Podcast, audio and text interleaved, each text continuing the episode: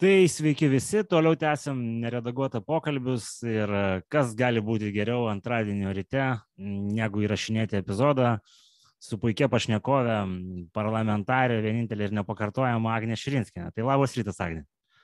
Labas rytas. Gaila, kad e, visi žiūrovai nežino Agnės tokios, kokia jinai būna nejungus kamerą, nes jinai būna gerokai linksmesnė ir, asme, net ne, ne tokia rūsti, kaip mes ją esame įpratę matyti kovose. Nu, bet e, tema šios dienos, aišku, irgi reikalaus e, nevasariškos nuotaikos, e, kad ir kaip būtų gaila, pabandysim aptarti žvilgsnių, aišku, iš opozicijos, kaip praėjo šitą parlamentinę sesiją ir, nu, jinai tikrai nebuvo nei pilka, nei neįdomi, nei, nei kaip nors kitaip blankė. Tai aš galvoju, kad gal pradėkim visgi nuo to, kas, nu, nėra galbūt čia pats svarbiausias šios sesijos uh, darbas e, artimiausiam laikotarpiui, bet e, tai bet kokiu atveju yra svarbus dalykas e, visam mūsų, žodžiu, rinkimų formavimuose tradicijos ir po N metų, žodžiu, buvo gerokai pertvarkyta rinkimų tvarka. Kaip jum, vat, kaip opozicijos atstovai, atrodo pono Višniausko džiugavimai ir, ir, ir šiaip pozicijos uh, plojimai, kad nu, dabar tai jau mes turim puikiai, žodžiu. Jūsų kaip teisininkės, kaip e, tikrai puikiai išmanančios visas vingrybės požiūrių, kaip, kaip pačiai. Na, aš suprantu, kodėl ploja Višniauskas ir konservatoriai, nes ta tvarka, kuri jiems iš tiesų sukurta, yra ganėtinai palanki bus labai sunkiai keičiama, nes įstatymai yra konstituciniai, tai reikės 84 ar 5 balsų. Kitaip tariant, na tikrai labai daug balsų pakeisti tokiai tvarkai, kurių, manau, kad Seime surinkti paprastai bus labai sunku. Tai tie pakeitimai, kai kurie iš ties yra pozityvūs, yra atsisakyta perteklinių, tarkime, įvairių reikalavimų pačiam rinkimų procese pavyzdžiui, kad žmonėms būtų aiškiau, kurie mažiau susipažinę. Na, tarkime, dokumentacijos teks partijoms mažiau tvarkyti ne, ir, ir, ir mažiau popierizmo lieka. Kitas dalykas, visa rinkimų tvarka tampa aiškesnė, nes yra kodeksas. Anksčiau jinai buvo išsimėčiusi per keletą įstatymų ir buvo politinių partijų finansavimo įstatymas ir, ir buvo vėlgi kiekvieni rinkimai savo įstatymą turėjo, ar Seimo rinkimų, ar prezidento rinkimų įstatymai egzistavo. Tai dabar viskas yra vienoje vietoje, viskas yra aiškiau, nekils painiavų ir VRK, kada teks organizuoti dviejus ar trejus rinkimus iš karto, kaip pamenam, būdavo referendumas kartu ir rinkimų Seimo kažkokie rinkimai vyksta kartu, dar buvo ir prezidento rinkimai vienu metu, ir Europos parlamento. Tai vis, visos datos, visi terminai yra suderinti ir tikrai bus viskas labai paprasta. Bet iš ties šalia šitų gerų dalykų ir pozityvių dalykų atsirado tam tikrų konservatorių pazaikiavimų, man tas dulkio žodis labai pazaikiavimas patinka, kur tiesiog buvo priimti sprendimai, na, susimažinant, tarkime, politinių konkurentų. Tai visi atsimename, kada rinkimų komitetai buvo toks peilis tradiciniams partijoms, ypač nuo jų nukentėjo tiek konservatoriai, tiek socialdemokratai. Čia Kauno mero pavyzdys, tai na, yra tobulas pavyzdys, ne, kur rinkimų komitetas jau kelias kadencijas iš eilės tiesiog e, nunešė ane, visus balsus Kaune ir opozicijos praktiškai ten liko tik tai simboliškai, jinai na, net nėra pajėgi dėl savo neskaitlingumo oponuoti. Nu, ir Vilniuje iš esmės komitetai džiugavo dešimtmetį. Ta pati turime, nes iš tikrųjų Šimašius su komitetu yra laimėjęs paskutinius rinkimus. Tai šiuo atveju komitetams tikrai buvo atsikeršyta jų veikla gerokai apsunkinta. Nes... Nu, bet čia pasakytų jum oponentai, žiūrėkit, taigi liko politiniai komitetai, valio, ura, tasme, ir dar e, šiem, šiai iteracijai nereikės ten nieko jiem baisiai skubėti, netgi terminus leidom, žodžiu, ten e, prailginom, kalbėjom visai nesiniai su VRK vadovė, sakė, E, komitetai nebuvo nuskriausti. Aišku, mes mm. pasigilinsim, bet. Komitetams taip netrodo, kiek man tenka kalbėtis, nes iš tiesų komitetai, prisidengiant, kad reikia skaidrumo, finansų tvarkymo, ko iš tikrųjų reikia ir visi sutinka, buvo įjuridinti. Tai yra, jie privalės registruotis kaip juridinis asmuo ir veikti visą laiką. Tai bet, ar čia, bet, ar čia, bet ar čia blogai, Agne, kad jie turės registruotis kaip juridinis asmuo? Ar, ar, ar pats faktas, kad jie turės registruotis yra yra neigiamas? Ar, ar ten sąlygos yra? A, dalis žmonių tiesiog nenori kam nors priklausyti, nes ir, politin, ir konstitucinio teismo tie sprendimai, kurie buvo dėl rinkimų komitetų, jie labai aiškiai kalbėjo apie tai, kad turi būti politinėje sistemoje toks na, reiškinys, kuris leistų žmogui, kuris nenori niekam priklausyti, jokiai politiniai organizacijai, dalyvauti rinkimuose. Ta prasme, komitetai buvo toks sukurti kaip laikinas darinys, kur tu padalyvauji rinkimuose, bet tavo ilgalaikio priklausimo nėra. Tai nu, bet galima kyla... sakyti, vienmandatininkai vis dar lieka, tai jie gali, žodžiu, vieni savo kariais eiti. Iš to kyla, bet žmogus turi teisę turėti, ką Konstitucinis teismas ir pasakė, dalyvauti ir tuose rinkimuose, kur nėra vienmandačių, nes pas mus ne visi rinkimai yra su vienmandatėmis, tai Seimo rinkimuose komitetai ir taip nedalyvauja. Komitetai dalyvaudavo anksčiau tik ten, kur yra daugia mandatės. Tai yra Europos parlamento rinkimai ir savivaldybių tarybų rinkimai yra daugia mandatės. Jisai vienas pats savo dalyvauti rinkimuose negali, partijai žmogus, kaip Konstitucinis teismas pasakė, priklausyti verčiamas negali būti, ar kokiai kitai organizacijai, tada atsirasdavo tokie nepriklausomų žmonių dariniai, kurie ir buvo rinkimų komitetai. O kėlintų čia metų Dabar... yra išaiškinimas e, Konstitucinio teismo? Čia yra senokiai išaiškinimai, jau keletas rinkimų iš esmės vyko pagal tuos išaiškinimus, mm. mes turėjome komitetus. O kaip, ir... o, o kaip, tarkim, pozicija atlaikė šitą kritiką, vat, būtent konstitucingumo, žodžiu, prasme? Na, Teisės departamentas e, rinkimų kodeksui ir jį lydinčiam politinių organizacijų statymui e, prieimimo stadijoje surašė devynis prieštaravimus konstitucijai. Visi jie buvo atmesti Teisės ir Teisėtvarkos komitete, kai kurie tik tai vieną balsą persvarą nes e, Šatbaras savo balsą kaip komiteto pirmininkas duodavo ir jisai lemdavo, kiti buvo atmesti daugiau balsų. Tai dėl rinkimų komiteto atmetimas galima prieštaravimo konstitucijai vyko daugiau balsų, nes socialdemokratai, na, jie iš esmės buvo taip pat vieni iš rengėjų komiteto reguliavimo tvarkos ir visi suprantame matyti kodėl, nes tas sugriežtinimas ir apsunkinimas jisai yra naudingas negana to europos parlamento rinkimuose buvo labai padidintas komiteto narių skaičius nuo kiek narių yra leidžiama komitetui dalyvauti rinkimuose tai iš, me, iš esmės komitetui reikės turėti apie tūkstantį narių, kad tu galėtum dalyvauti. Aš tik primenu, kad partijai reikia turėti dviejų tūkstančių. Bet aš kažkur, mačiau, aš kažkur mačiau skaičius, kad ten e, procentaliai nuo populacijos e, paskaičiuota buvo, kad e, komitetam yra sudėtingesnės sąlygos negu, negu partijam dabar ten. Tai, iš esmės, aš tą ir noriu pasakyti, kad steigimasis sąlygos taip pat labai pasunkėjo.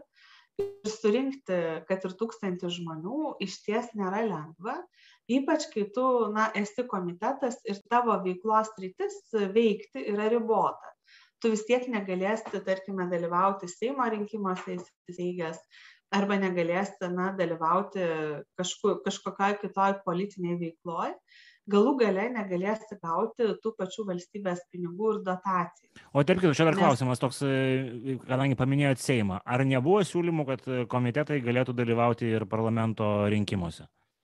Nebuvo ir jų nelabai galėtų atsirasti, nes Konstitucinis teismas yra pasakęs, kad komitetai yra daugiamandatės apygardos rinkimų na, bruožas. Nu, bet Seimo rinkimai nėra, turi ir tą, ir tą, tai teoriškai. Ten yra galimybė vienam žmogui išsikelti per vienmandatę apygardą. Ir šiuo atveju nepriklausomas žmogus gali būti renkamas ir išrinktas į Seimą, ko jisai negalėtų, tarkime, Europos parlamentą pretenduoti būti išrinktas, būdamas visiškai vienas kaip, kaip pirštas. Ne, jam reikia tokiu atveju, na, bandyti burti tą tokių pat nepriklausomų žmonių komitetą. Tai šiuo atveju tas pasunkinimas yra ir prieštaravimų konstitucija yra krūva. Konstitucijai beje išvelgia prieštaravimą teisės departamentas ir tame, kad komitetai, turėdami iš esmės tas pačias teisės ir pareigas dabar jau kaip politinės partijos, tame tarpe ir pareigas įsteigti kaip juridiniam asmeniui, nepaisant nuo to, kiek jie vietų rinkimuose surenka, jie dotacijų pretenduoti negali. Nes teoriškai tikrai gali įvykti, kad kažkoks žinomas komitetas, ne, tarkime, parlamento, Europos parlamento rinkimuose, jisai surenka daugiausiai balsų Lietuvoje. Taip gali būti bet nepaisant to kad jisai na tiek balsų surinktų jisai vis tiek finansavimo kažkokio papildomo iš valstybės biudžeto negautų. Kuo tai, kuo, kuo tai yra motivuojama, nes tai yra nu, sunkiai suprantama logiškai, žiūrint, kodėl e, tos metoj pačioj rinkimų sistemoje dalyvaujančios jėgos e, turi nevienodas finansavimo galimybės na iš esmės aš negirdėjau jokių įtikinamų ir jokių netgi normalių motyvų. O, nenormal, o nenormalius kokius girdėjot, e, pasituokit. Tiesiog buvo konstatuota, kad taip turi būti ir viskas, ir komitetas dėl to prabalsavo netgi iš esmės nemotivuodamas. Nors visi suprantam, kad asmenų lygiai teisiškumo principas, na, yra egzistuojantis teisės sistemoje. Tai jeigu tu suteiki tokias pat teisės ir pareigas, tai vadinasi, na, turi būti lygiava ir finansavimas. O ko, buvo, atveju... o, ko, o, ko, o ko buvo paaiškinta, pavyzdžiui, kad net ir to 1,2 procento negali komitetai rinkti? Tai to nebuvo aiškinta, to buvo padaryta.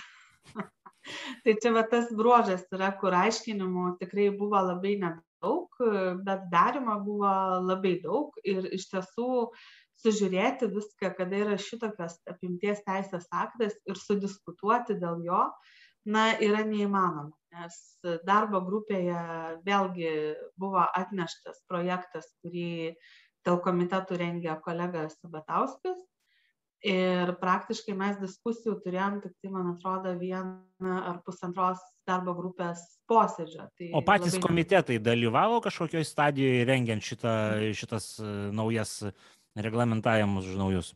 ne komitetai nebuvo kviesti aš bent jau jų mhm. dalyvavimo tokio posėdyje nebeatsimenu jie jau pamatė projektą kada jisai buvo iš esmės užregistruotas ir paskui na taip labai nedarniai bandė protestuoti aš dar tikėjausi tokio didesnio protesto nes e, tikrai apsunkinimai yra dideli bet didelio protesto nebuvo ir manau ir jūs lygiai taip pat negirdėjote. Tai buvo kai kurie raštai. Nu, buvo, buvo, buvo tenais keli straipsniai, kur keletas skirtingų komitetų, žodžiu, merų buvo tasme susivienyje ten ir, ir, ir, ir tasme užpublikavę savo pastebėjimus. Tai čia gal vienintelis laikas, ką aš tokio mačiau. Taip, aš lygiai tą patį mačiau, na, dar tie merai atsiuntė paštą laišką su protestu ir, ir viskas kas kas įvyko dabar turim na jau priimtą įstatymą ir matyt jau prezidento rankose vetuoti įvertinant šitą aspektą ar nevetuoti. Tai na iš esmės yra labai aišku kad konstituciniam teisme greičiausiai bylos toks reguliavimas anksčiau ar vėliau nebeatlaikys O sakykit, tas pasitikrinimas, dar čia toksai naujas e, bruožas yra, kodėl partijos neturi pasitikrinti, kiek jos turi narių prieš kiekvienus rinkimus, o komitetai turi, nes nu, mes visi puikiai suprantam, kad kai kurios partijos, e, čia galbūt ne apie parlamentinės kalba eina, bet e, visas, kurios yra už brūkšnio, jom, jeigu reikėtų pasitikrinti narių skaičių, tai ten iškiltų visokių bildėjimų, girgždėjimų ir panašiai kuo čia yra motivuojama? Aš įsivaizduoju atsakymą, bet vis tiek paklausiu, kuo yra motivuojama. tai, tai yra dar vienas apsunkinimas, toks saugiklis, kad kuo mažiau komiteto nepasiektų rinkimus, jeigu jie, tarkime, tarp rinkimų vienai per kitaip yra pabirėję. O kad pabirės, tai aš manau, niekas nebejoja, nes tiesiog žmonės nerbūrė su komitetus tam, kad jie sudalyvautų vienose rinkimuose. Paskui žmonėms natūralu, kad ne lyderiams, o eiliniams komitetų nariams gali norėtis ir pasitraukti iš to komiteto ir nevykdyti veiklos, tarkime, iki kitų savivaldos rinkimų. Tai ar dar ką savivaldos e, lygmenyje galim pridėti tokio, kas, e, kas galbūt e, šokiruoja jūs kaip, kaip teisininkė? Na daugiau kažkokių tokių didelių problemų savivaldos rinkimų organizavime ten na nebuvo įvesta ar kažkokių naujovių tiesiog perkeltas merų reguliavimo modelis ką konstitucinis teismas ir sakė kad padaryti. Ir dėl to vietos savivaldos įstatymas su tais rinkiminiais pakeitimais jisai praėjo na palyginus tyliai ane netgi iš opozicijos perspektyvos nes darbo grupėje tikrai na maksimaliai galėjome tas pozicijas suderinti.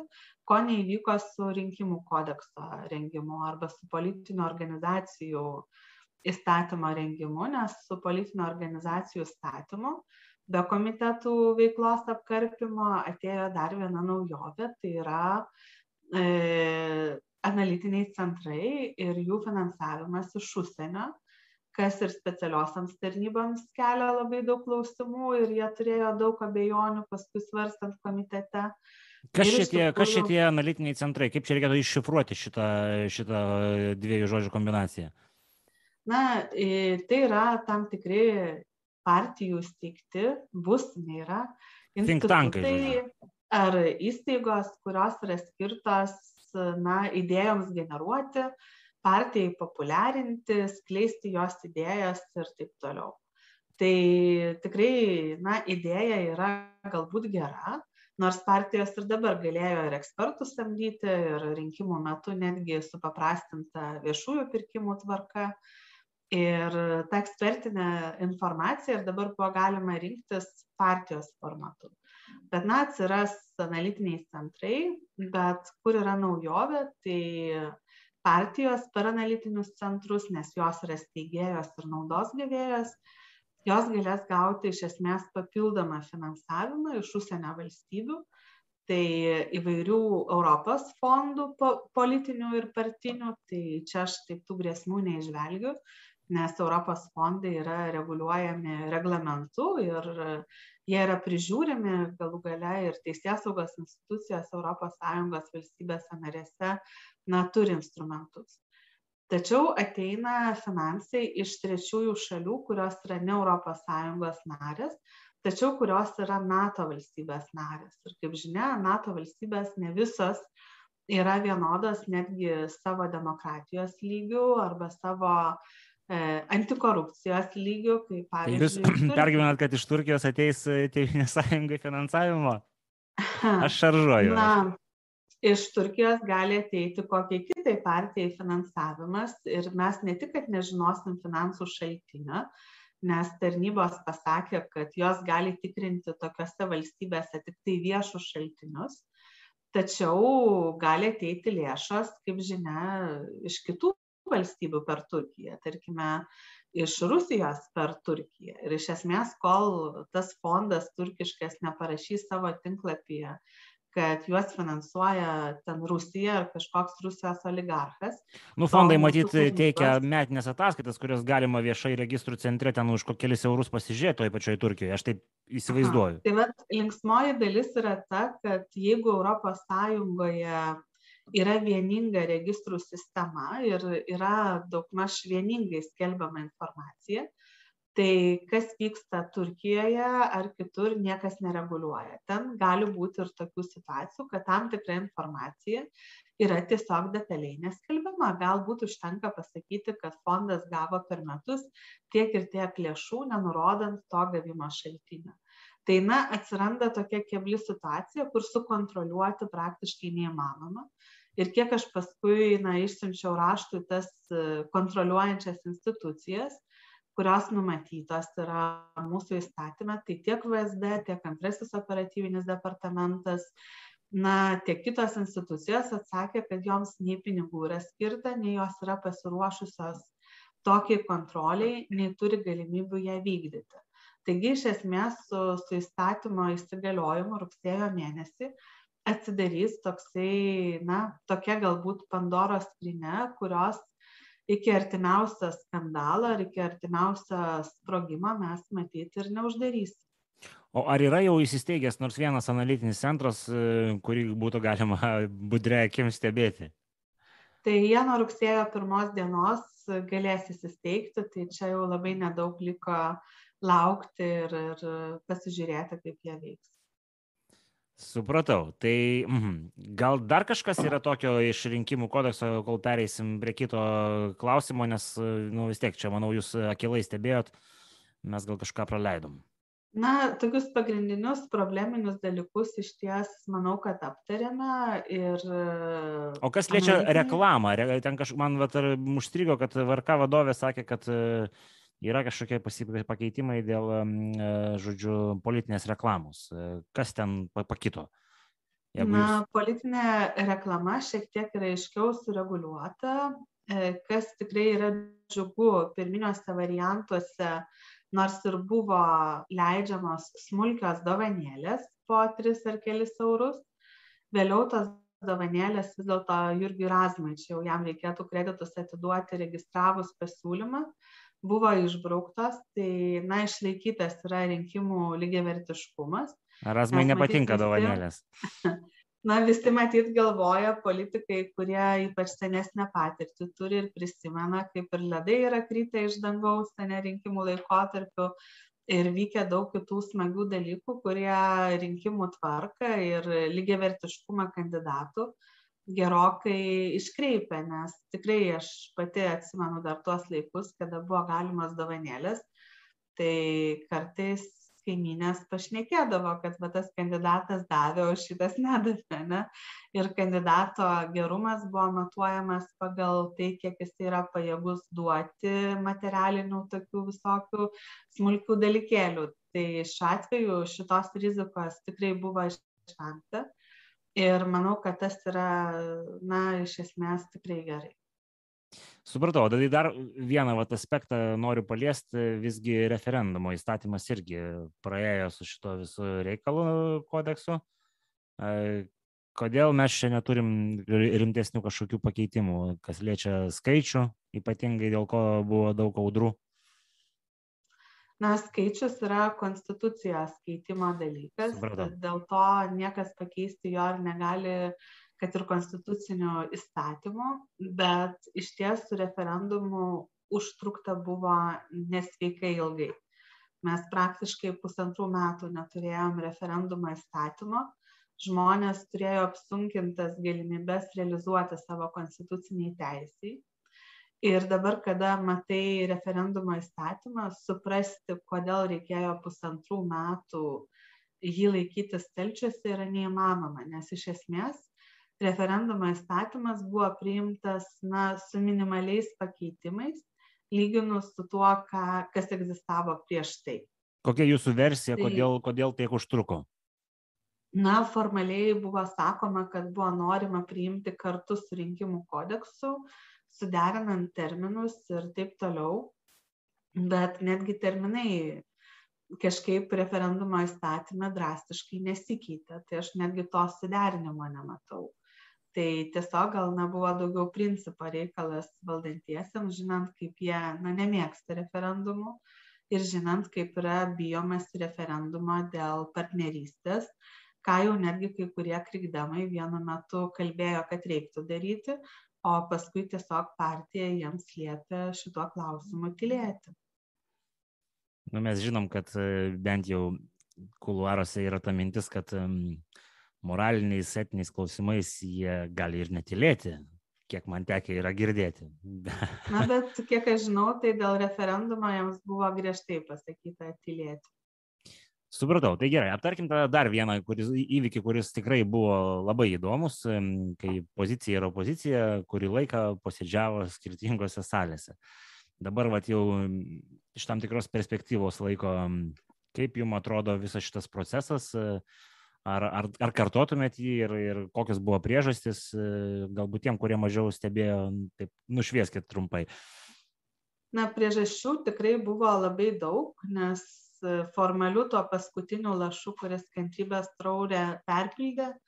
Tai buvo manipulacijos procedūromis balsuojant dėl Navicko interpeliacijos. Paskui kitas toks formalus lašas irgi buvo, kuris labai negražiai nuskambėjo, tai opozicijos atstovų ištrinimas iš pirmininkaujančių posėdžių į sąrašo pavaduotojų tai bet tai buvo na formalios jau priežastys nes iš tikrųjų tas viesulas opozicijos pusėje kaupėsi jau iš esmės pusantrų kokių gerų metų.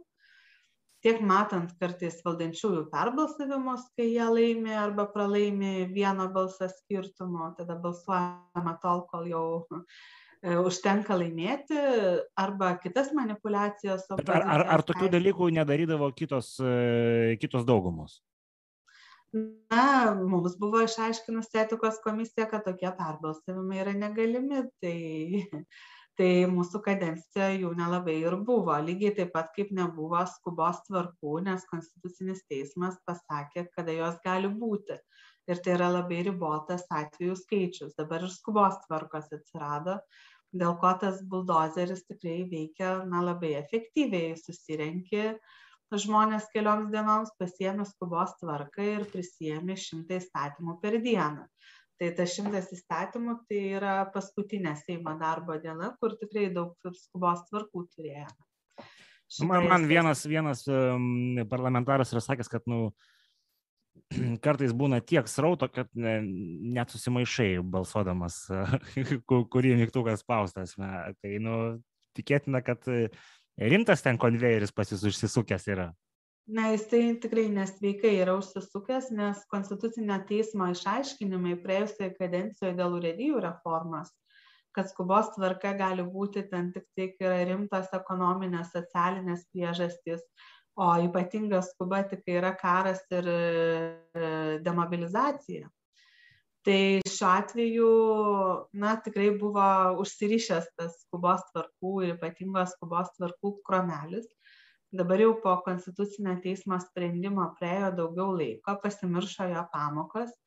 Tai tikrai nemotyvuojant kartais tas konvejeris yra atidaromas ten kur yra karo klausimai ane tai jisai galbūt yra pateisinamas bet kai pradedamos išmokos kažkokios vaikams ar ar mamoms motinystės svarstyti skubos tvarka notarų ten reguliavimo klausimai skubos tvarka o kokie būna argumentai kodėl tai vyksta?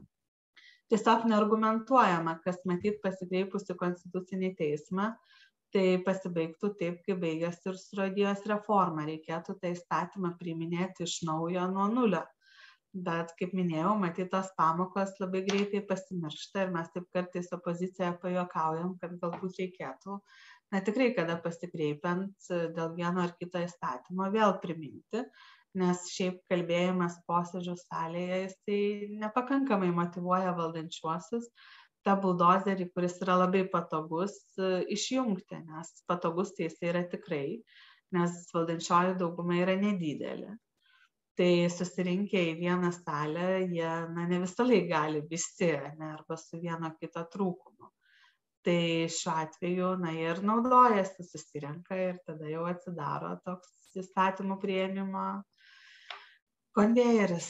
O šita praktika, kurią vat irgi teko čia matyti, kad e, ten, žodžiu, svarstymai visokie, kurie reikalingi prieš įstatymo pateikimą ar prieimimą, ten komitetuose, informacija apie juos ateina ten prieš valandą, žodžiu, iki posėdžio Aišku, nu, čia reikėtų matyti visiškai nešališko asmens klausti, ar čia nauja praktika, gal jūs, kai buvot e, su valstiečiais e, valdžioje, irgi panašiai, kaip sakoma, kankindavot opoziciją. Žinot, e, mus greičiausiai būtų žiniasklaida visas suvalgiusi, jeigu būtų posėdis paskelbtas pusę devynių vakare. Tai to tikrai nebuvo ir paprastai bent jau pas mane komitete, kai skelbdavom nenumatytą posėdį, tai aš pati apskambindavau komiteto narius arba jau blogiausiu atveju biuro darbuotojas kuris nors padėdavo paskambinti ir visi dar žodžiu informuodavom ir primindavom ir, ir klausdavom, ar galės dalyvauti. Tai na, buvo stengiamasi, kad tikrai nekiltų jokių priekaištų viešojo erdvėje dėl to, kad kažkas yra, na, naktį paskelbta. Bet tokio dalyko, kad naktį reikėtų skelbti posėdį pusę devynių ir tą posėdį daryti kitą rytą, aš tikrai neatsimenu iš praėjusios kadencijos. Paprastai, na, taip nėra skubama ir aš suprantu, kad ir čia vienetinis atvejis buvo, ką jūs minės, tai yra mm, Vytauto Landsbergio tapimas vadovu, kur iš esmės, matyt, norint kuo mažesnio rezonanso spaudoje, buvo jau paskelbta paskutinę minutę, kai žurnalistai miega. Nu, čia jūsų oponentai sakytų, kurgi žurnalistai pusė devynių vakare tik pradeda gert kavą, o čia na, ne, nerašo, jie jau straipsnių paprastai pusė devynių vakare ir tai na, yra tas maksimalus laikotarpis, kur dar Seimo nariai galbūt paskaitys, nes Seimas dirba visą laiką, o žiniasklaidos priemonė jau žinių laidos tą dieną vargiai ar suorganizuos. Nu taip, žodžiu, naujų gerų praktikų nuo pat e, e, naujo Seimo, čia dvi sesijos, žodžiu, yra, yra krūva. Nu, negalim, aišku, neaptart nepaprastosios padėties e, visos šitos epopėjos. Kai klausi, nu, man nėra tekę labai daug parlamentarų šito klausti, matyt, vienintelis, kuris yra atsakęs, tai yra Laurinas Kaščiūnas, tai jisai, jo motivacija yra bus argumentacija tokia, kad nepaprastoji padėtis, nu, čia buvo reikalinga Lietuvoje visą šitą laiką dėl to, kad žodžiu, raumenys įsitemtų struktūrų, kad jos būtų budrios ir, žodžiu, kaip sako anglikalbiai, on alert ir, ir, ir viskas čia būtų funkcionuotų. Kaip vat jum, kaip opozicijos nariai, atrodo šitas, nes mes žinom, kad, tarkim, buvo padarytos ir pertraukos, priimami tam tikri įstatymai, po to vėl grįžta. Papasakokit, kokia jūsų versija šito padėties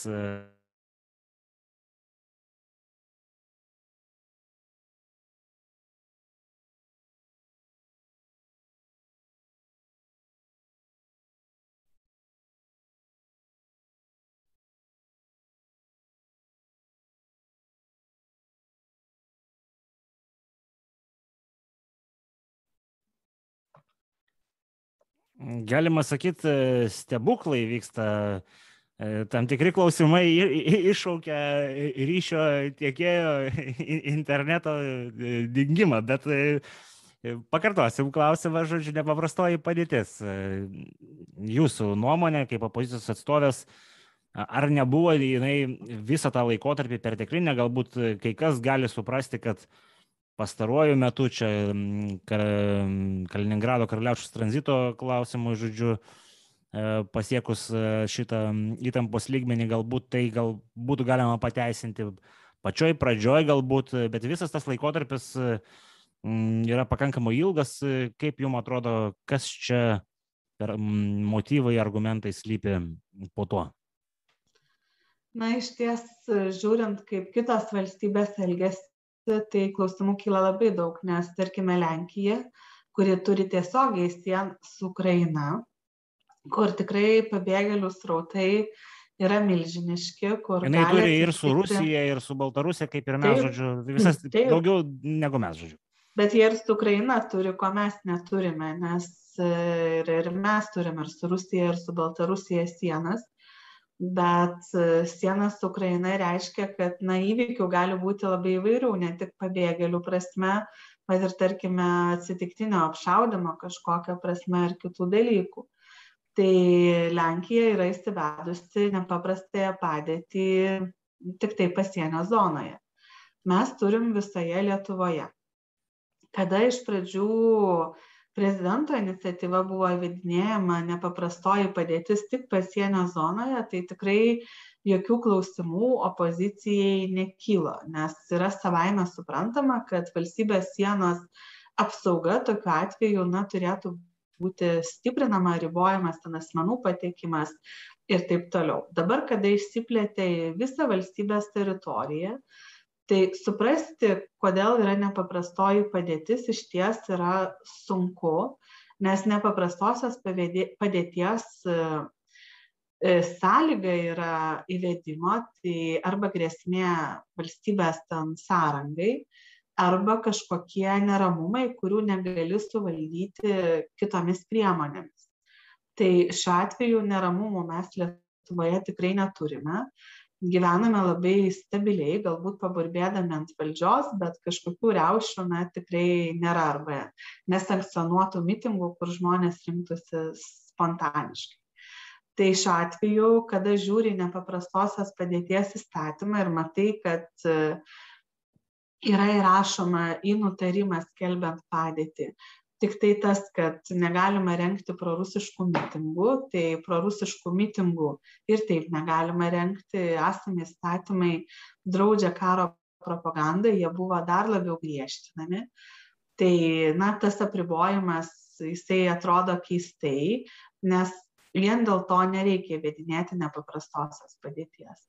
Kitas dalykas tai vėlgi yra tam tikri apribojimai nutarime numatyti retransliavimui rusiškų laidų ir televizijos kanalų.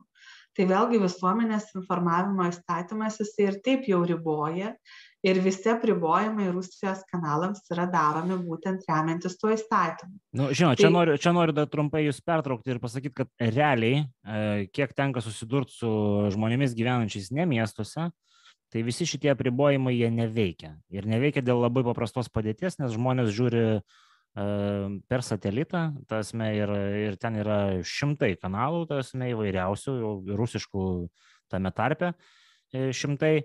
Tai, na, nu, tie, kurie informaciją renka iš šaltinių, jiem dėl vienokio ar kitokių priežasčių primtinų, jie taip ir toliau jie renka po visų šitų skambių apribojimų, ten Sputnikų, RT ir kitų tai va tai kitas dalykas kas atsiranda jau naujo su nepaprastosios padėties įstatymu tai naujo atsiranda galimybė naudoti valstybės rezervus. Nes kai yra nepaprastoji padėtis įstatymas leidžia supaprastinti ir viešuosius pirkimus ir kitokį valstybės pinigų panaudojimą iš rezervo tame tarpe. Tai na man susidaro įspūdis kad kadangi mes neribojam kažkokių žmogaus teisų dabar, e, kartojame tik tuos ribojimus, kurie ir taip egzistuoja, tai vienintelė ta naujovė iš tikrųjų yra ir paaiškinimas, ne, kam yra reikalinga nepaprastoji padėtis. Nes taip valstybės rezervą laisvai naudoti, kaip naudoja valdžia dabar, jinai tikrai nebegalėtų, jeigu nebebūtų prastosios. Bet tai gal čia tas teigiamas bruožas, kodėl siena statosi, jeigu teisingai, aš suprantu, statosi. Mm, gal kitai būtų labai sudėtinga, reikėtų ten kiekvieną varštą pirkti pagal viešos pirkimus.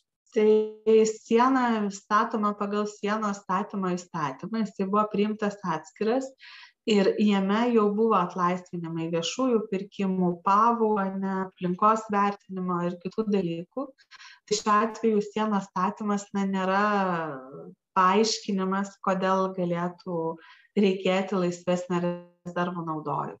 Tai jeigu, jeigu, jeigu galit, e, paviešinkit, e, kasgi ten tokio perkama yra, kaip pavyzdžiui, žodžiu, kad žmonės suvoktų, nes yra daug ten mitų, kurie sklando, žodžiu, kad čia e, stato, žodžiu, ten pabėgėliam kažką, ten poligonų stato, dar kažką stato, Ką, ką, ką jūs Tikrai? Ne, nežinau, kas stato ir dėl tos priežasties ir planuoju kreiptis, aš jau ir sakiau, tą premjeriai ir Seime, kada buvo pristatinėjama nepaprastoji padėtis, kad reikėtų jai atsiskaityti dėl lėšų naudojimo, aiškiai įvardinant, kam buvo panaudota.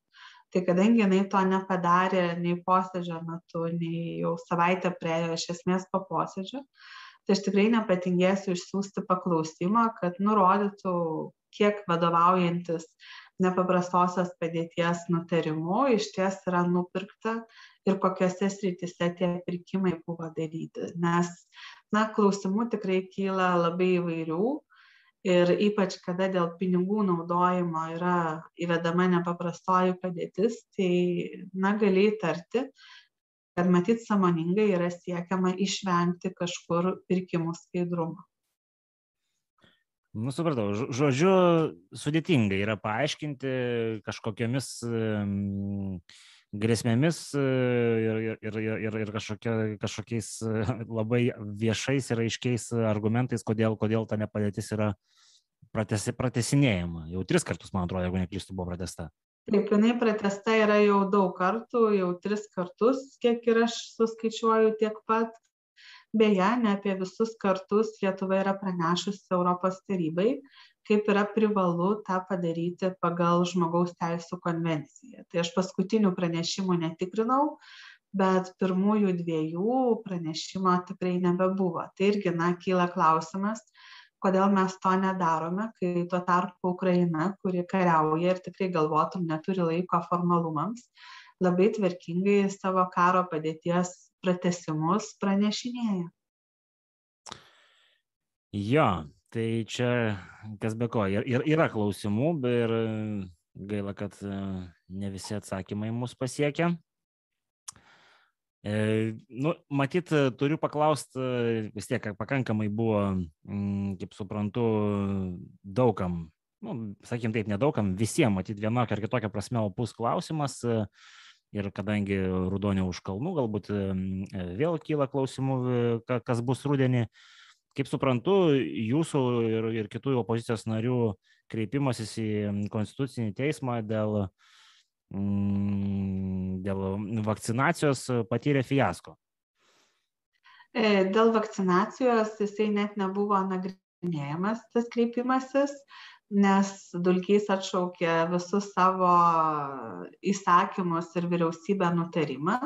Lygiai taip pat nebuvo nagrinėjamas netgi kreipimasis dėl sienos kirtimo ribojimų, kur akivaizdus buvo pažeidimas nes vėlgi sienos ribojimai buvo panaikinti praktiškai prieš pat konstitucinio teismo posėdį. Vienintelis, kuris. O čia ribo, ribojimai, tai jūs kalbate apie tos ribojimus, apie tos uh, turistus ir jų amplūdį iš Baltarusijos, ar čia kažkas kitas? Ne, čia iš tiesų karantino metu viename periode A, buvo uždrausta grįžti Lietuvos piliečiams į valstybę, jeigu jie serga kovidu. Kai konstitucija labai aiškiai sako kad negali būti draudžiama lietuvos piliečiui grįžti į lietuvą. Tai čia tas aspektas. Jį panaikino na neliko konstituciniam teismui bylos preteksto ir byla buvo nutraukta. Dabar kas buvo išnagrinėta tai teisme ir kaip jūs sakėte patyrė fiasko aš sakyčiau kad teismas išaiškino nvsc ribas tai yra skundas dėl privalomo testavimo kaip sąlygos dirbti, kada e, privalomus nurodymus gali duoti NVSC. Nes iš tiesų formuluotė darbo kodekse buvo labai neaiški ir buvo galima suponuoti, kad NVSC pats gali sukurti kažkokius privalomus nurodymus, kurių įstatymė nėra numatyta tai ką išaiškino konstitucinis teismas kad nvsc gali tik pritaikyti įstatyme esamus nurodymus. Tai yra testavimą ten kažkokį nurodyti izoliavimąsi nurodyti bet na nesukurti kažkokių naujų apribojimo būdų kuriam kurių įstatymas neturi. Mm, tai vadinasi, tai, kas buvo skambiai pristatyta, čia ne visiškas, bet Aš dabar galvoju, tengi dar buvo kažkaip dėl žmogaus teisų ribojimo, čia šita prasme testavimas, kaip žmogaus teisų taip, ribojimas. Čia šiuo atveju yra žmogaus teisų ribojimai ir kilo klausimas, kokie apimtimi NVSC juos gali taikyti. Nu gerai, jeigu jau palėtėm pono Dulkio parapiją, tai visai neseniai įvyko reforma. Ir prisimenu, kad esam kalbėjęs ir su Aurelijum Veryga, tuo metu jūsų kolega, dabar kolega, bet tolimesni kolega. E, tai kur čia, kas čia įvyko, kad mes grįžom į nepažangesnę, žodžiu, sveikatos e, apsaugos sistemos versiją? Nežinau, man tai keiščiausia yra žiūrint į viceministrę Berots Jankauskinę, kada žmogus universitete dėstė sveikatos administravimą ir leido vadovėlį, ir aiškino vadovėlyje, kokia yra nepažangi sovietinė sistema, kur pirmas ir antras ligmuo šeimos gydytojai ir, ir sveikatos kitos priežos įstaigos yra kartu ir, ir sumaišyti. Ir, ir aiškino vadovėliuose, iš kurių dar ir aš dėšiau studentams, kaip reikia šeimos gydytojus atskirti ir na, padaryti savarankiškus. Tai kažkas matyt turėjo vykti su žmogumi, kad atėjęs į ministeriją jisai pradėtų daryti priešingus dalykus, negu kad savo studentus mokė universitete. Tai šiuo atveju na, yra labai keista iš tiesų ir, ir sunku surasti, matyti Europoje kitą tokią vietą, kuri po sveikatos reformos prieš 30 metų padarytos staiga apsisuktų ant kulnų visa valstybė ir pradėtų grįžinėti atgal. Tai tai na panašu kad turėsime šeimos gydytojų apmirimą tam tikrą po kurio laikotarpio. argumentacija vėlgi aišku čia klausimas galbūt naivus jau kaip supratau žodžiu iš bendravimo tarp pozicijos ir opozicijos bet ar buvo kažkokia argumentacija kodėl va tai yra daroma? Ar dėl to kad e, pas mus populiacija mažėja ir čia reikia optimizuoti? Kokie buvo argumentai ne tai optimizavimas jisai ir buvo pagrindinis argumentas e, visam šitam e, reformavimui sveikatos sistemoje tačiau ar tikrai optimizavimas e, pagrindžia, kodėl šeimos gydytojai turi būti su sumažintų savarankiškumu, ne, tai aš manau, kad nepagrindžia. Nes tikrai yra daug Europoje optimizuotų sveikatos sistemų, kur lovų gyventojams ane tam tikram skaičiui tenka kur kas mažiau ane jos dirba labiau optimaliai bet na man neteko girdėti kad ten šeimos gydytojai kaip sovietmečiu pagal rusiškus modelius būtų suvaryti dirbti kartu su su kitomis sveikatos priežiūros grandimis tai paprastai na yra stengiamasi kad sveikatos priežiūros specialistas, su kuriuo pirmą pacientas susiduria, o tai ir yra šeimos gydytojas, galėtų suteikti kiek įmanoma daugiau paslaugų savarankiškai, taip neapkraunant kitų grandžių. Dabar iš esmės įvyks greičiausiai priešingai, nes kada šeimos gydytojas bus integruotas į specializuotas institucijas, ne, kur yra specialistų paslaugos, tai natūralu kad ta institucija darys spaudimą šeimos gydytojui kad paslaugą teiktų ne jisai bet kad jisai rašytų kiek įmanoma daugiau nukreipimų. Nes už kiekvieną tą nukreipimą ir papildomai suteiktą paslaugėlę specialisto yra kur kas didesnis įkainis negu šeimos gydytojo konsultacija. Tai mes na einam į tokį labai prabangų ir išlaidų modelį kur bus daug siuntimų mažai šeimos gydytojo savarankiškumo ir priimtų sprendimų suteiktų paslaugų kurios yra pigesnės bet kurios yra lygiai tokios pat iš esmės kokybės. Nu bet gal čia jūsų kritikai sakytų čia kompeti čia kompetencija dabar jeigu šeimos gydytojas tarkim ten konsultuoja, nežinau, lūžių klausimų. Tai čia jau. Tai šeimos gydytojas lūžių klausimų ne, nekonsultuodavo, bet tarkime, šeimos gydytojas gali kraujospūdį matuoti pats ir jisai gali nukreipti kraujospūdį matuoti e, specialistui kardiologui. Ir kai matuoja šeimos gydytojas yra vienas įkainis, kai bus specialistas kardiologas, garbus profesorius ir taip toliau, jo darbo įkainis bus šiek tiek kitoks, jisai bus didesnis. Numatuos matyti tai, asistentas, bet e, su supervizinimu na taip tai bet sumokės ligonių kasos skirtingai nes jau kitame lygmenyje bus suteikta paslauga. Tai šiuo atveju na aš matau ir lėšų nesaugojimą ir iš esmės šeimos gydytojų sužlugdymą. Aš jau nekalbu apie tai kad dalis ligoninių jos tikrai bus priverstos užsidaryti kai yra dar visiškai neaišku kaip veiks pavėžėjimo paslaugos tai yra gali būti kad ligoninės užsidarys pirma o pavėžėjimo paslaugų tinklas vystysis jau po to, kai reikės e, gesinti gaisrus. Žodžiu, taksistai taps e, greitųjų pakaitalų rajonuose.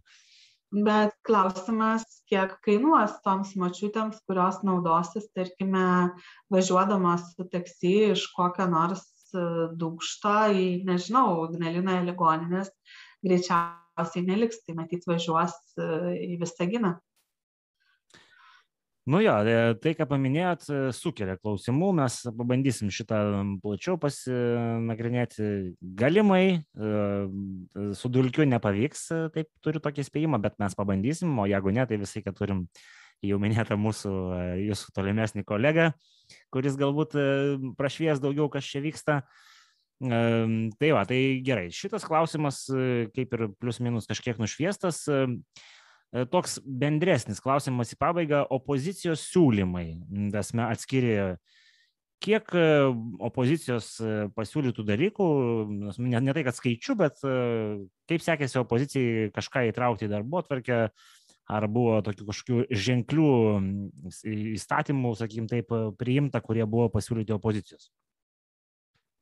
Na, aš manau, kad ženklių įstatymų arba reikšmingesnių ekonomikai, valstybės raidai tikrai priimta nebuvo, nes visas E, paketas, kuris buvo skirtas infliacijos mažinimui, jisai buvo atmestas pačioje pirmoje pateikimo stadijoje, kad netgi per vasarą nevyktų jokios diskusijos, nors mes ir prašėme, kad tas projektas būtų pateiktas, o vėliau jau pateikto projekto pagrindu komitetuose diskutuojama, nes iš ties komitetai yra laisvi apsispręsti ir ten irgi valdantieji yra ir iš ties galima ir po diskusijų pamodeliuoti pakeisti tą projektą, pakeisti jo turinį radikaliai ir ateiti į salę rudenį jau su tam tikromis antiinfliacinėmis priemonėmis, kurios būtų paruoštos.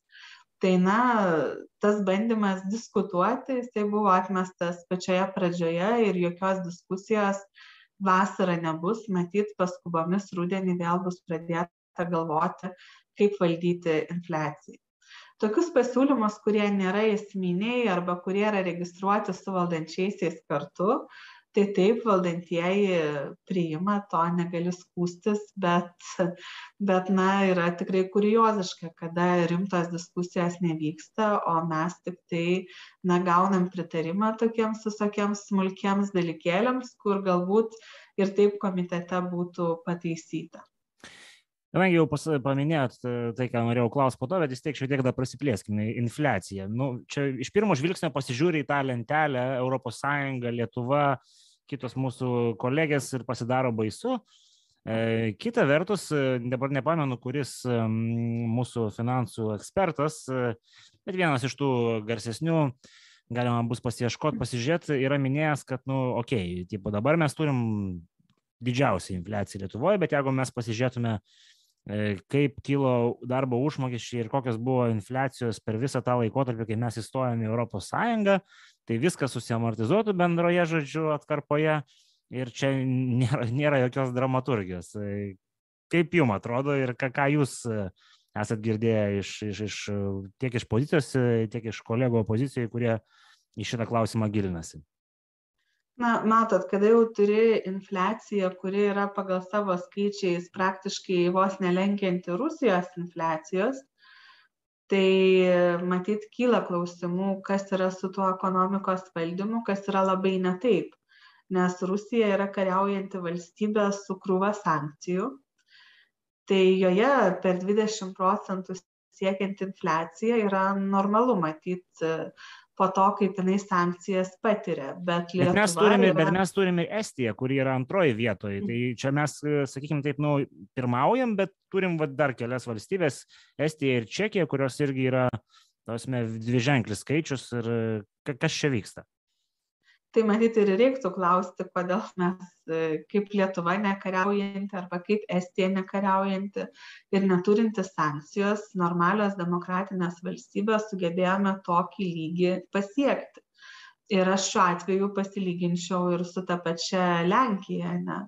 Ten kainų kilimas jisai su tuo vadinamuoju lenkų antiinfliaciniu skydu ką mes bekalbėtumėm apie pvmo mažinimą jisai buvo suvaržytas gerokai ir buvo sugalvotas mechanizmas kaip stebėti ane ar parduotuvės laikosi ar nesilaiko. Buvo sukurtos galimybės asmenims pranešinėti jeigu jie pamato kad parduotuvės ane savo naudai pasinaudoja pvmo mokesčio lengvata.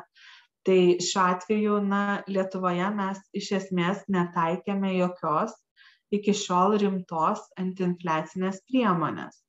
Aš tų devynių centų kompensacijos už elektros energiją tiesą sakant na nelabai laikau antiinfliacine priemone taip jie pasinaudos lygiai taip pat kontroliuojami verslai taip kaina elektros energija ener elektros energijos buitiniam vartotojui sumažės bet ar tas mažina infliaciją tai greičiausiai kad ne aš bent jau negirdėjau tokio vertinimo iš ekonomistų. Tai kada netaikai jokių antiinfliacinių priemonių kada vykdai na, nuolatinį lėšų išmetimą į rinką, ne, kada skolinėsi ir panaudoji tuos pinigus vartojimui, tai greičiausiai nieko nėra keista, kad pasieki 20 procentų ir jeigu taip toliau eisi, greičiausiai, na, nebebus keista, jeigu bus ir 25 ar 30 procentų.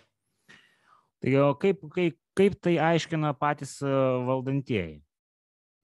Na jie bent jau aš kiek girdėjau tokius e, anekdotinius aiškinimus tai aiškina kad ir lietuvos rinka yra labai unikali ir kuo jinai, kuo jinai, kuo jinai yra unikali man irgi labai yra įdomu kuo mes esame unikalūs nes aš kada jau nuvykstu į latviją kaip šį savaitgalį dariau tai latvijoje kur būdavo maisto kainos aukštesnės negu lietuvoje šiuo metu kai kurie produktai yra ženkliai pigesni negu lietuvoje tai jinai na kaip lenkija yra tapusi turizmo šalis apsipirkti taip matyt su laiku ir latvija taps lygiai tokia pat turizmo šalimi tiems kurie gyvena pasienyje. Nes na tas pats agurkas kai skiriasi šešiasdešimt centų kilogramas tai puikiai suprantam kad dalį tarkim zarasų gyventojų motyvuos važiuoti į latviją tai šiuo atveju na matyt tie ekonominiai gabrieliaus žygiai pyktis su kinija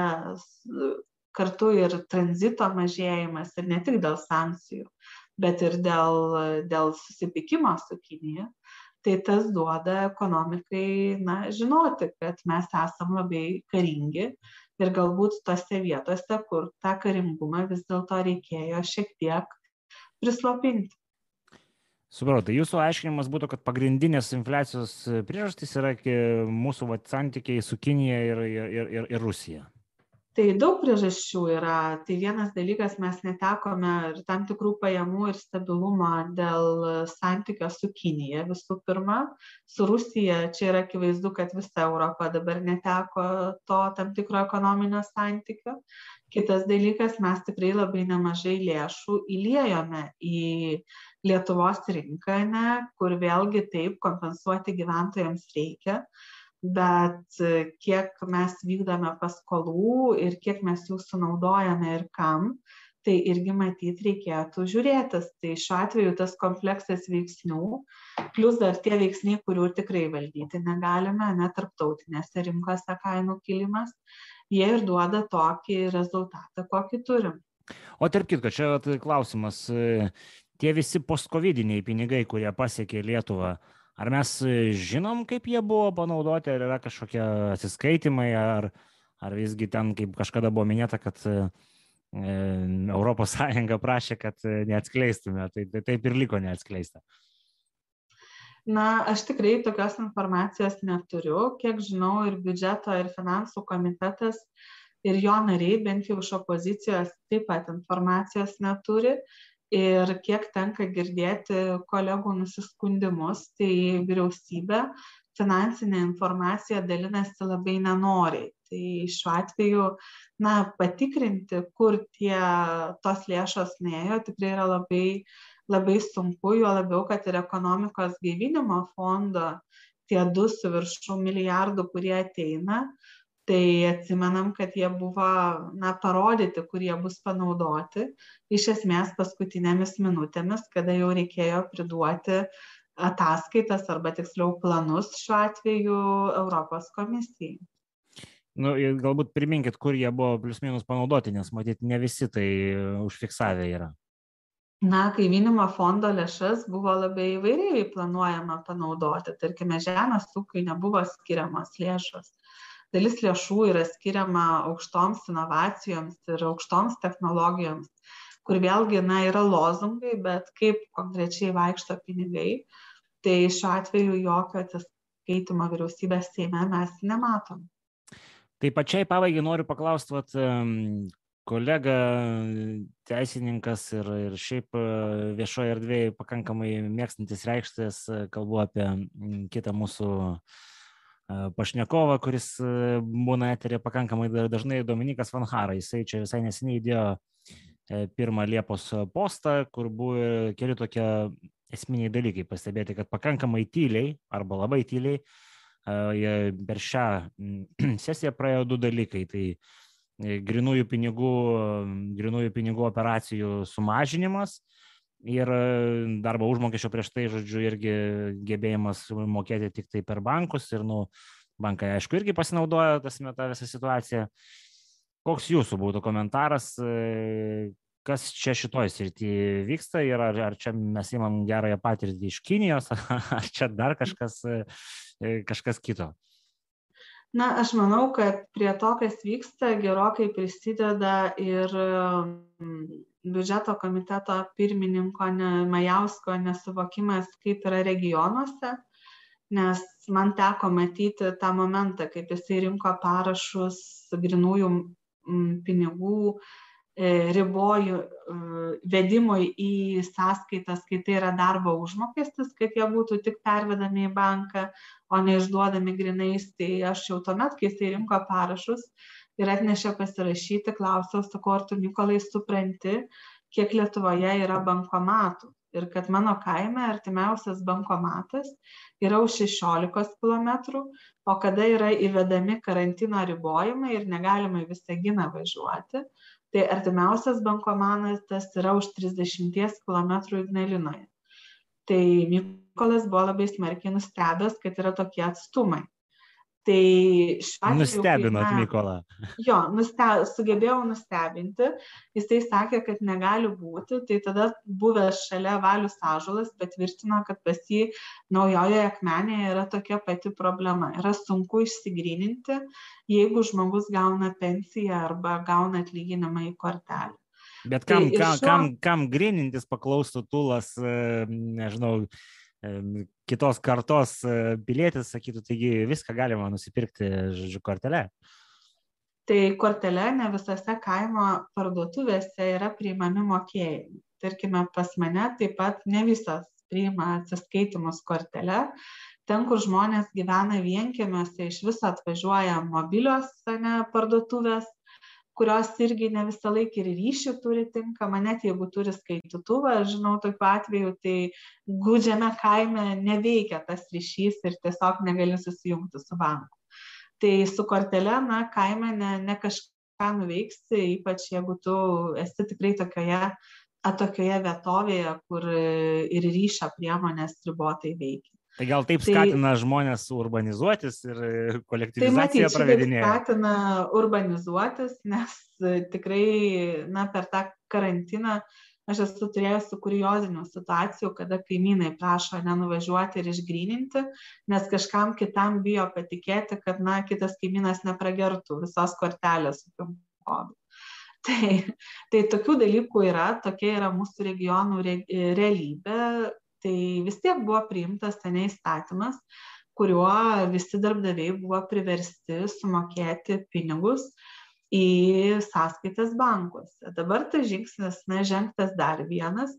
Aš jau į šitą žingsnį žiūriu šiek tiek ramiau, nes tikrai, na, nebus daug žmonių, kurie vykdys tokio, tokio masto, tokios apimties. Bet Dominikas, Dominikas čia pabrėžia, kad iš principo čia taip, jisai irgi sako, kad skaičius kol kas yra toks, bet tai jau yra koja durise ir skaičius gali tapti ne 5000, gali tapti 1000, gali tapti 500. Mes, mesgi žinom, taip. pavyzdžiui, kad tam Ispanijoje, tarkim, yra labai mažos e, tas transakcijos, kurias galima atlikti e, grinaisiais, kaip pavyzdžiui. Taip, iš, iš ties yra taip ir, ir bankas vėlgi kur matyt yra ta didžiausia problema. Bankas turi galimybę matyti, o kokius gi pirkinius tu darai. Ne tas pirkinių ratas, kurį tu gali padaryti nematomai, ne, jisai kas kartą vis labiau siaurėja. Tai šiuo atveju. Bet kam tau slėptis, sakytų, žodžiu, Tūlas, na, irgi, žodžiu, gyventojas miesto jaunos kartos. Taigi mes atviri viską rodom, žodžiu, nes, nes nesi, nesislapstom nuo. E, aš tikrai nežinau, kam slėptis, nes aš nesinešioju grinųjų. Pas mane daugiau kaip 10 eurų piniginėje nebebūna nes aš asmeniškai tikrai nematau prasmės e, išsigryninti pinigų, nes apsipirkinėjau didžiuosiuose miestuose, kur jokios problemos nėra. Keliaujant vėlgi netgi užsienį po didžiuosius miestus, problemos susimokėti ne, kortelė niekur nėra. Bet tikrai yra žmonių, kurie gyvena ne miestuose, arba yra žmonių, kurie dar turi seną paprotį išsigryninti ir kaupti namuose, nes jiems atrodo saugiau, ne prisiminus bankos noras, tarkim, atvejus kažkada. Ir niekas jiem negali, negali uždrausti, ir, nes nu, tai yra žmogui. Taip, tai yra žmogaus teisė su savo pinigais elgtis taip, kaip jam norisi jisai perka arba kelionę į Menulį, arba jisai perka jachtą, arba jisai perka duoną, arba perka batoną. Tai yra žmogaus pasirinkimas, kur jisai išties savo lėšas naudos ir kokiu pavydalu ir kur jisai jas saugos. Ir šiuo atveju, na, natūralu, kad su tokiais sprendimais valstybė na jinai gerokai apriboja žmogaus pasirinkimo teisę. Aš jau nekalbu, kad padarys daug nepatogių situacijų, kada žmogus, kuris linkęs namuose turėti grinųjų pinigų, tiesiog sugalvos juos realizuoti. Tai jeigu ta suma bus virš 5000, juos realizuoti vienu įpū jau bus sudėtinga. Nu jo, bet tai visai lieka variantas realizuoti keliais įpais, aišku, tai yra tik tai papildomas apsunkinimas. Taip, bet tai yra ir apsunkinimas ir tam tikras, na, pripažinkime, sukčiavimas ten jau atsiranda prieš valstybę, nes taip, nu, dabar jau baldų komplektas didesnis, tarkime, virtuvės, jisai kainuos virš 5000, matyti, tai joje žmogus darys du pirkimus, ne grinaisiais, kad galėtų nusipirkti. Bet, na, kam žmogus turi kiekvieną kartą galvoti, ką jisai turi padaryti, kad apeitų, ne kažkokius ribojimus, kurie ne visą laiką iš ties mūsų sąlygom yra protingi. Tikrai taip.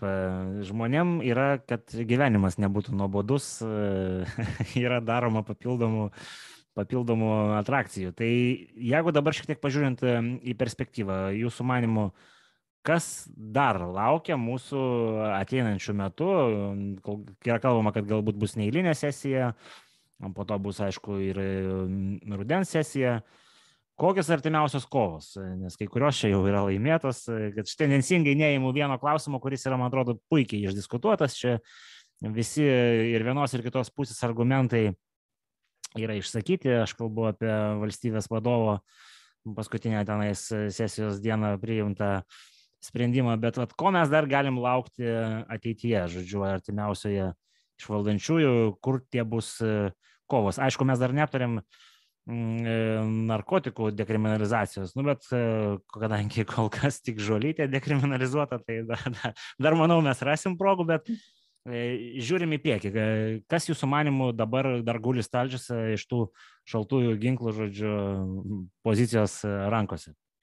Na, kadangi jau Landsbergį vadovų paskelbėm, tai iš tų tokių projektų liko dar partnerystė, civilinė sąjunga, liko paminėta jūsų žalytė, nes jinai irgi prateikimo stadija praėjusi. Uh, ir aš taip drįsčiau spėti kad e, rudenį rugsėjį kol dar na maksimaliai yra likę laiko iki savivaldos rinkimų ta žolytė ir tos partnerystės tikrai pajudės iš mirties taško.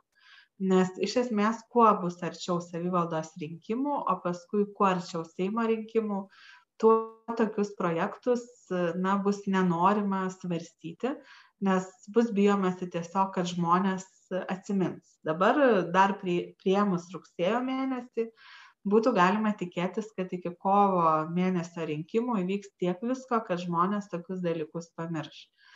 Tai taip jau matyt, trečia ar ketvirta sesija prasidės su, su žolė ir su partnerystėmis. Ir vėlgi drįščiau prognozuoti, kad rudenį kainų augimas ir šildymo sezonas mus ištiks nepasiruošusius, kaip tuos kelininkus kiekvieną žiemą ištinka žiema, nes tokių ženklų, kad būtų ruošiamasi su antiinfliaciniais paketais, kad vyktų diskusijos vyriausybėje, iš tikrųjų aš na, nebematau. Kas negana to, viename iš komitetų posėdžių valdantieji yra išsitarę, kad ir biudžeto dėrybos kurios šiuo metu paprastai vyriausybėje yra labai intensyvios, yra prislobusios, nes yra neaiški ekonominė situacija ir neaiškios prognozės rudeniui. Tai matyt ir tas irgi atsilieps rudenį į tam tikrą na, veiklos intensyvumą. Gerai, Agne, panašu, kad e, neliūdėsit e, parlamente. Tai neliūdit, ne, ne, neliūdit, nu kol kas matyt liūdit, nes vis tiek vasara koridoriai aptuštėja, kaip ten bebūtų. Bet jo, šiek tiek, šiek tiek po tos pauzės vėl bus, vėl bus. Tai labai jums dėkui, žodžiu, kad atostogų, nu, pusiau atostogų, ar kaip čia jas įvardinti, metu skiriat mums laiko. Visada smagu yra išgirsti opozicijos balsą. Ir, ir kai kurių opozicijos narių gal balsų mūsų eterėje negirdi dėl vienokio ar kitokio priežasčių, bet vat, Agne patenka į mūsų orbitą ir mes labai džiaugiamės girdėdami tą, žodžiu, kritiką, kuri per medijos kanalus dažniausiai nepasiekia, nes jie nu, turi tam tikras preferencijas. Tai dar kartą dėkui Jums, Agne. Gerų, gerų atostogų, jeigu tokios bus. Ir susitiksim, manau, pakankamai greitai. Tai ačiū Jums labai ir geros vasaros. Gerai, dėkui visiems, kurie žiūrėjot, nepamirškit mūsų socialiniuose tinkluose ir iki kitų kartų.